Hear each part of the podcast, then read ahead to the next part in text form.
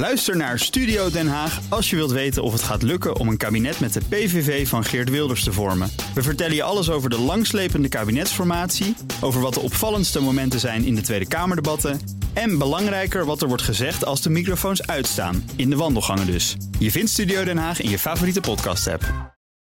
Leggerspanel. Tijd om terug te blikken op 2022. En Google en Meta verliezen marktaandeel in de advertentiemarkt in de Verenigde Staten. Dat en meer bespreek ik in het beleggerspanel. En daarin zitten Reiner Wietsma, hoofdinvesteringen bij IBS Capital. En Wim Zwanenburg, stratege bij Stroeven Lemberger. Welkom heren. Goedemiddag Thomas. Het is nog één keer dat ik het kan vragen. Jullie laatste transactie althans, dit jaar. Reinder, wat kun je daarover Ja, kwijt? nou, we hebben nog gewoon weer traditioneel, en dat, dat komt vaker voor, niks gedaan. Onze laatste transactie was Autozone. Ja, heb je hier Eh, toegelicht. En die heb ik hier toegelicht. Was En, al eh, bijzonder inderdaad. Was al bijzonder, ja. En dan kunnen we ook terugkijken naar het hele jaar. We hebben dit jaar een totaal van vier transacties gedaan.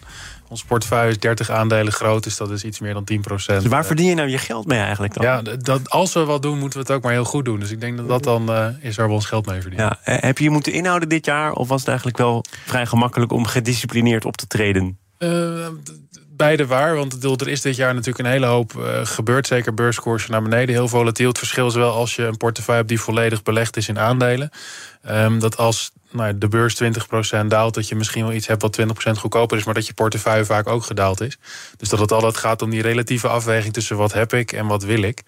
Ehm, en dat maakt, geeft in die zin wel een hoop rust, omdat we daarin gewoon een heel gedisciplineerd proces hebben en altijd vol belegd zijn en nou ja, die onderneming in portefeuille hebben. Wim, waar, jij, waar ben jij mee bezig de laatste dagen van dit jaar? Of mee Ja, bezig waar geweest? eh, de laatste week mee bezig was, was eh, onze rebalancen, zoals dat heet. Het eh, rearrangeren van onze themaportefeuille. Groeiaandelen hebben het afgelopen jaar slecht gedaan. En vooral thema's die zijn vaak lange termijn groeigericht. Er zaten stijgers bij en dalers. Nou, daar hebben we toch wat de zaak opnieuw onder de loep genomen. Gekeken of de investmentcasus nog echt geldig is. Hè. Innovatie, groeigericht.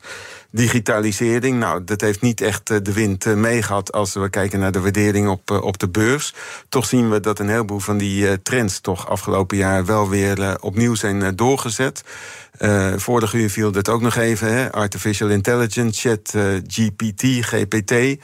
Dat dat toch als een doorbraak eh, wordt, wordt gezien. En ja, op dat soort zaken zetten wij in onze groei thematisch eh, gerichte maar zijn dat stevige discussies die je dan moet voeren? Ja, toch wel even. Van, is er niet te veel winstgevendheid die nog ver in de toekomst ligt al ingeprijsd? En nou, zijn we daar afgelopen jaar terecht of onterecht voor, voor gestraft. Maar je moet zo'n index wel kijkt- vullen natuurlijk, toch? Je kunt niet eh, altijd maar zeggen, ja, deze gaat er vanaf. Want je, je zult er iets voor in de plaats moeten brengen. Nee, het is een kwestie van eh rebalancen. Dus het is eh, de stijgers en de dalers breng je wat dat betreft wat meer in, in evenwicht. Maar wat we fundamenteel doen is bijvoorbeeld die thematische portefeuille. Dit is een ETF-portefeuille. Dat zijn de indextrekkers. eh, niet naar de index marktwaarde gewogen, maar op basis van themaselectie. Daar kijken we ook echt onder de motorkap van wat zit erin. Welke companies. nou. Geldt daar nog steeds, eh, gelden daar nog steeds de goede vooruitzichten? Of eh, kijken we aan tegen lagere koersdoelen en ook afgewaardeerde winsttaxaties? We gaan eh, daarover door, want het was voor veel beleggers één grote achtbaan. Langzaam omhoog, snel naar beneden. Het schoolvo- schoolvoorbeeld van die beweging, Katie Wood, topvrouw van ARK Investment Management. De negen fondsen van ARK, alle gevuld met groeiaandelen, verloren sinds de piek van 2021 meer dan 50 miljard dollar. En zijn nu gezamenlijk slechts 11 miljard dollar waard. En als je goed zoekt, nou is niet eens nodig, Ja. dan kom je in heel veel media toch wat schadefreude tegen. Hè? Het kon niet goed blijven gaan. En kijk eens, daar is dan de knal. Ja. Bij jou ook? Nou, ik heb het niet nodig om schadefreude te hebben om wat zij doet. Maar het was natuurlijk op een gegeven moment wel heel extreem. En ehm 2021, maar vooral ook 2020 ging die portefeuille ook met een 100% plus omhoog. Eh, dat was voor een heel groot gedeelte gedreven ook, gedreven ook door particulieren en door nou ja, speculatie. Ehm, daarbij kwam dat op het moment dat die prijs ook verder omhoog ging, haar voorspellingen ook natuurlijk steeds, steeds verder kwamen te liggen. Of dat Bitcoin naar 1 miljoen gaat eh, over een aantal jaar. Duurt nog even, 2030 meen ik. Haar bear, bear case voor een aantal aandelen in portefeuille lag een stuk hoger dan wat de prijs nu was. Dus dat was wat dat, daar zaten wat gekke, gekke hoekjes en randjes aan. Eh, maar op het moment dat haar portefeuille natuurlijk ongelooflijk goed doet. Ehm, is het moeilijk om daar nou ja, veel kritiek op te hebben. Er stonden een hoop mensen ook uh, knarsetandend aan de zijlijn. Uh, maar je zult altijd zien dat als prijzen dan inderdaad draaien... en dit jaar is er een procent of 60, 70 uh, in de breedte wel vanaf... Uh, dat dan natuurlijk een hele hoop uh, nou ja, mensen weer... Het was, het was geen flauwe kulletje, toch? Oké, okay, Wood heeft daar goed over nagedacht. Heeft nee. volgens mij wel analyses losgelaten op die bedrijven. Nou, zeker. En ik moet zeggen dat ik wat dat betreft haar website frequent bezoek. om ook te kijken van welke aandelen zijn interessant... en welke zijn te veel overhyped. Want dat heeft ze wel gedaan. Hè. Ze, ze pretendeert dat ze heel erg open is. Maar ze draagt echt ook bij aan, aan de hype. Maar wat het mooie is van die ETF's... is dat je ook kan zien wat de holdings zijn op de, van in de portefeuille dus uh, in welke aandelen belegd wordt. En dat kan je gewoon op de website heel makkelijk zien. En dat heb ik nu dus ook nog even nagekeken. Nou, een van haar topholdings is bijvoorbeeld Tesla. Nou, dat heeft uh, afgelopen uh, jaar natuurlijk een enorme dreun gehad. Het is niet alleen dat de leaseautootjes bij Tesla wat minder populair zijn geworden, maar ook het, ook het aandeel. En natuurlijk dat ja, afgelopen jaar Elon Musk gewoon enorm controversieel is geworden. Ja, terwijl maar, daarvoor was de keurige huisvader. Ik moet zeggen oh. dat in haar portefeuille zitten er toch wel een paar heel interessante uh, aandelen die ook op uh, BNR wel eens belicht zijn. Zoom Video Communication, nou, dat is ook heel fors onderuit gegaan. Maar dat is toch wel een interessant aandeel. Zo'n aandeel als Shopify, Block voorheen Square genoemd die zitten allemaal in dat ERK Innovation Fund. En ja, ik uh, maak toch wel een afweging. Er zit technologie in, er zit voor een deel crypto uh, finance in. Daar ben ik ook eerlijk gezegd toch wel wat afzijdig. Uh, maar er zitten ook interessante biotech-firma's in.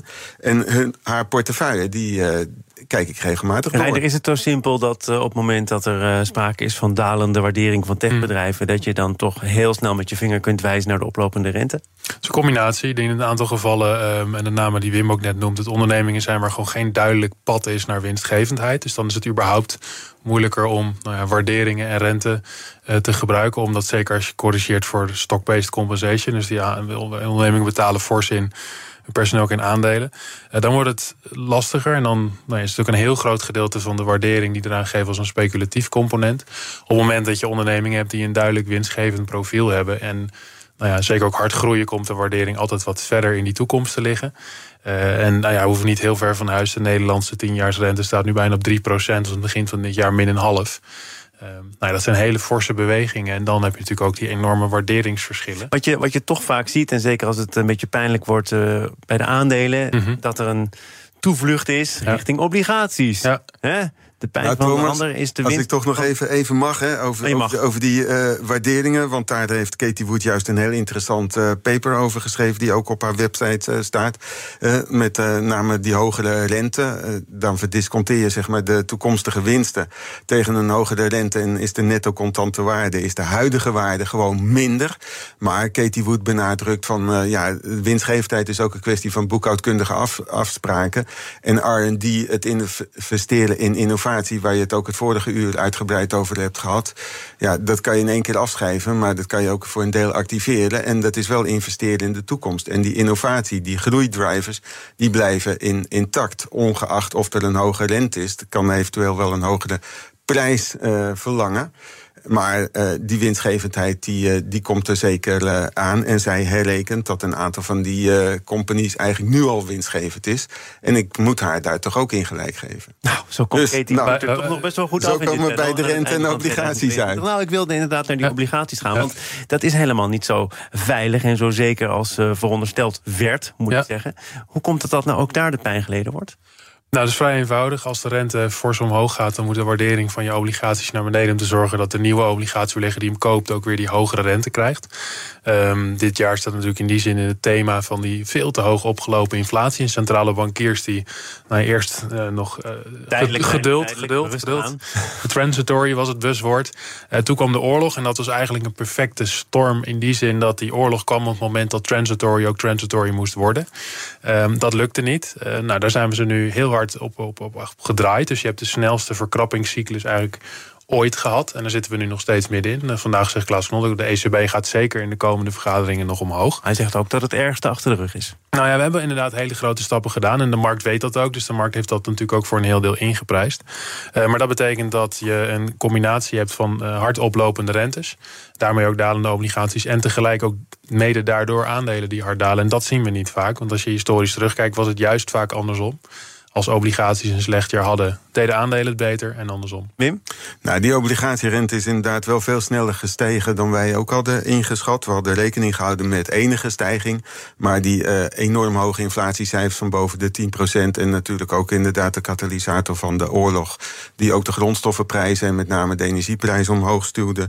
Dat uh, deed de obligaties uh, geen goed. Want als je nu kijkt naar het gemiddelde van Europese staatsobligaties, die komen echt ruim onder de 10, min 10%, min 13,5%. Uh, min 16,5 moet ik zeggen. Als je daar uh, bedrijfsobligaties in meerekent, dan kom je op min 13,5 gemiddeld uit. Dus als je obligatieportefeuille dit jaar minder dan min 10% aan waarde heeft ingeleverd, dan heeft hij het eigenlijk relatief uh, goed gedaan. Maar zelfs als je keek, traditioneel kan je zeg maar je obligatieportefeuille eigenlijk wat beschermen door met korte looptijden te beleggen. Maar omdat de centrale banken die korte looptijden juist ook omhoog joegen met uh, forse rentestappen, vaak van drie kwart procent of 50 basispunten, een half procent. Heeft ook heel kort, met korte looptijden beleggen afgelopen jaar uh, niet goed geholpen. Dus uh, voor de obligatiebeleggers was het ook een heel dramatisch jaar. Maar ja, als je begint met negatieve rentes, zoals vorig jaar in Europa, door het beleid van de centrale banken, dan kon je al niet veel verwachten. Dan naar de echte malaise. Namelijk, kan niet ontbreken in dit laatste beleggerspanel van 2022, de cryptomarkten. Ja. Um, ja, Reinder. Ja, daar hebben we hem weer. Nou, daar hebben we hem weer. Maar toch ook wel op zijn plaats in dit laatste panel, denk ik. Nee, zeker, zeker. Nee, nou ja, de, het past wat dat betreft in een rijtje van Tesla, Katie Wood en Bitcoin. Dat ze natuurlijk alle drie synoniem zijn voor een tijdsgeest. En waarbij we eerst waanzinnige monetaire verruiming hebben gehad. De rente negatief, alles kon. Um, en nu eigenlijk het inverse daarvan. Dus de leegloop van crypto natuurlijk ook een hele hoop financiële nou ja, schandalen met FTX. Had het, nou, had het nou ingeperkt kunnen worden door ander optreden? Hè? Door bijvoorbeeld uh, steviger kapitaaleisen. FTX is het bekendste voorbeeld. Ja. Had er nou iets aan gedaan niet moeten worden, maar ook kunnen worden. Zeker, maar de, de, het probleem voor de SEC en andere partijen is dat ze heel erg aan het zoeken zijn ook naar hun, hun marktmacht. In die zin is dit iets wat onder hun jurisdictie valt. Dus een bitcoin is officieel geclassificeerd als een commodity, eh, omdat het geen security is. Nou, dan kom je alweer in wie mag dit reguleren en hoe. En een hele hoop van de, van de, nou ja, de de, de, puinhoop, quote-unquote. Uh, ook FTX staat op de Bahama's en andere plekken. Maar we hebben natuurlijk via het internet en reclames natuurlijk gewoon toegang tot, tot onze, onze markten. Dus de, er had zeker in hindsight altijd van alles aan gedaan kunnen worden. Maar omdat het nieuw is en iedereen nog aan het zoeken is. Nou, van hoog tot laag wordt er nu wel gezegd. We moeten gaan optreden. In Europa heet dat. MICA hè, vanaf 2024. In Amerika heeft Jellen er het een en ander over gezegd. Nou, ik verwijs uh, vaak naar de publicaties op uh, de site van de Nederlandse Bank. daar wordt heel eenvoudig in, goed uitgelegd dat crypto's eigenlijk vooral een speculatieobject zijn. Dat je nergens de waarde aan kan relateren. We hebben net de kerstdagen achter de rug. Ik moet zeggen, één, één van de twee kerstdiners, grote kerstdiners, was ook in bijzijn van een drietal neven die ook eh, behoorlijk belegd hadden in crypto's. En die legden mij ook de schenen aan het vuur.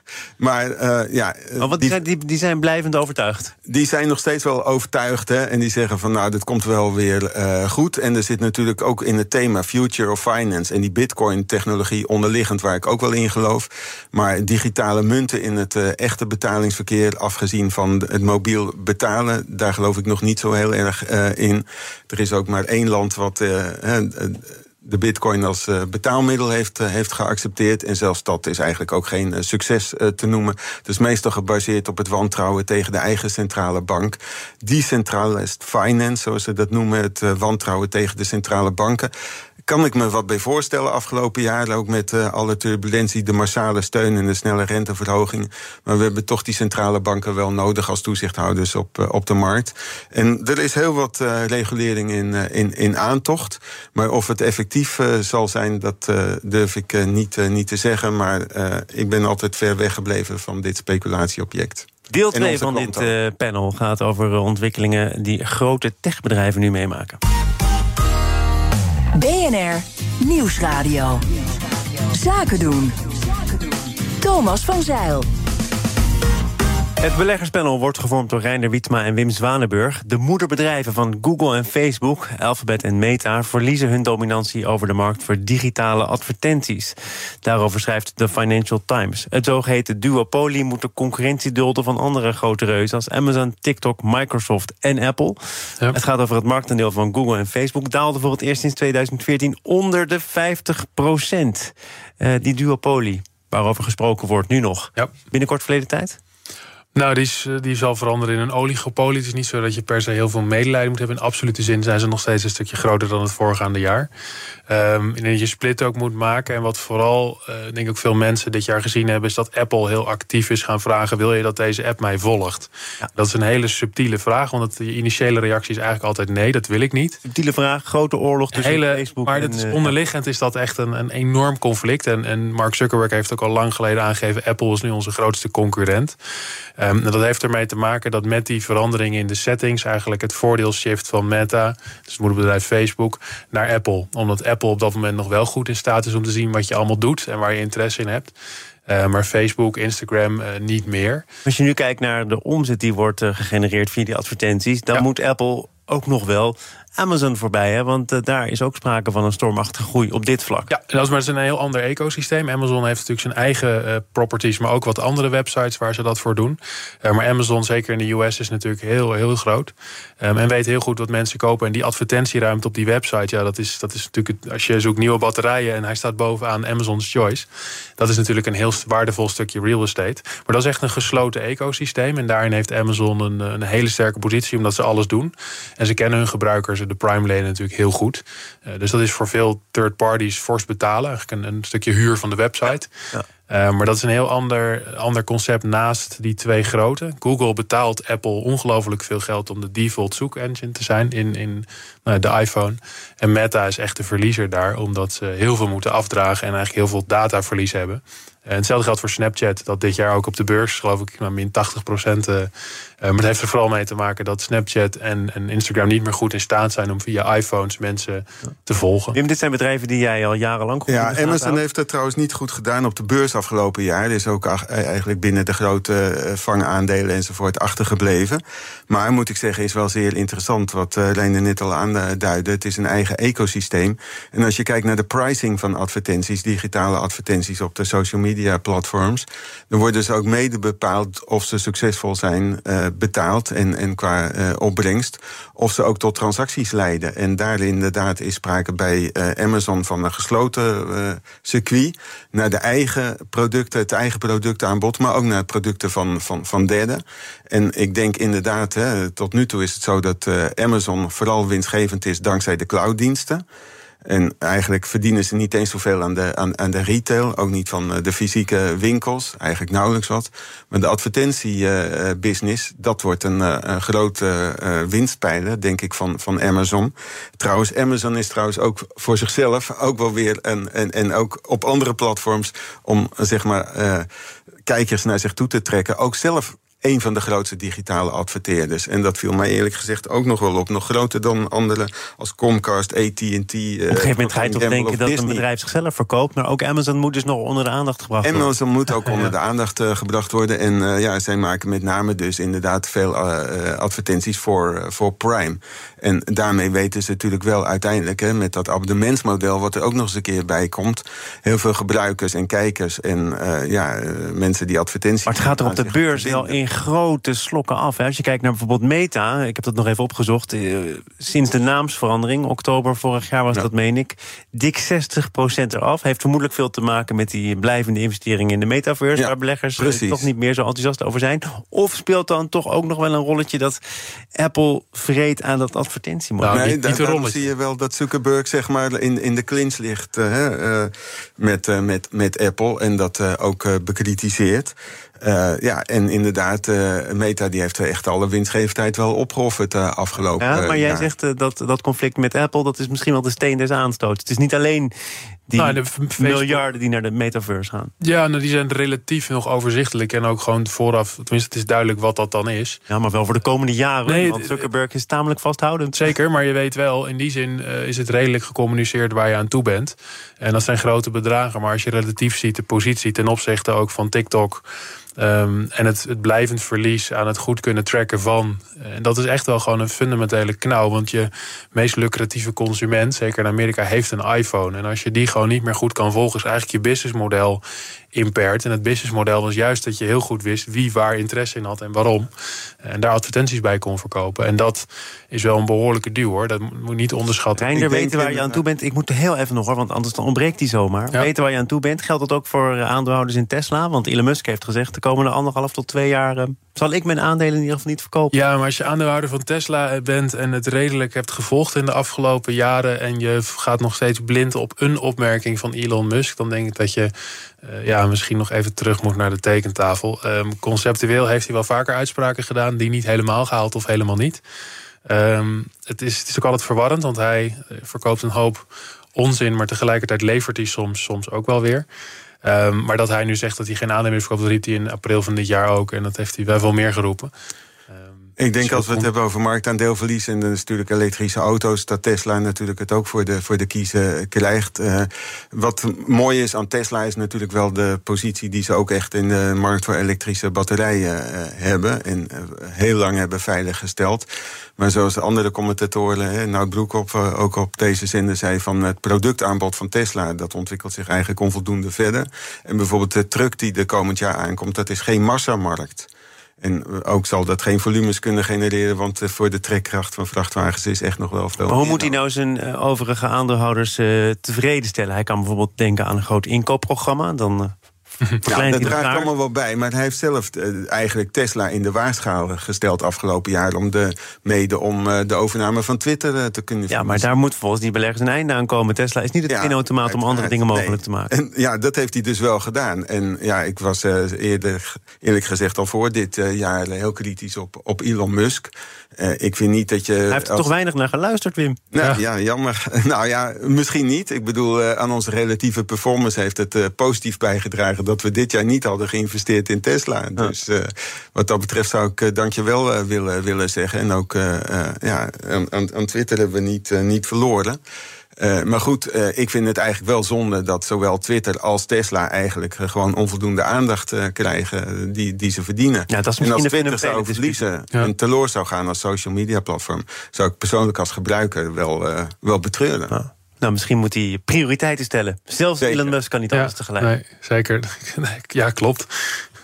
Klopt. Nou, met die uh, afsluitende woorden sluiten we ook het beleggerspanel af. Niet alleen voor deze keer, maar voor heel 2022. Reinder Wietsma, hoofdinvesteringen bij IBS Capital... en Wim Zwanenburg van Stroeven Lemberger. Dank voor jullie aanwezigheid en tot volgend jaar.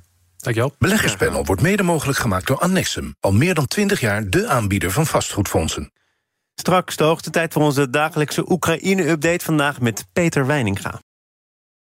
Ook Harm Edens vind je in de BNR-app. Je kunt BNR Duurzaam niet alleen live luisteren in de app... maar ook terugluisteren als podcast, zoals al onze podcasts. En naast dat de BNR-app Breaking News meldt... houden we je ook op de hoogte van het laatste zakelijke nieuws. Download nu de gratis BNR-app en blijf scherp.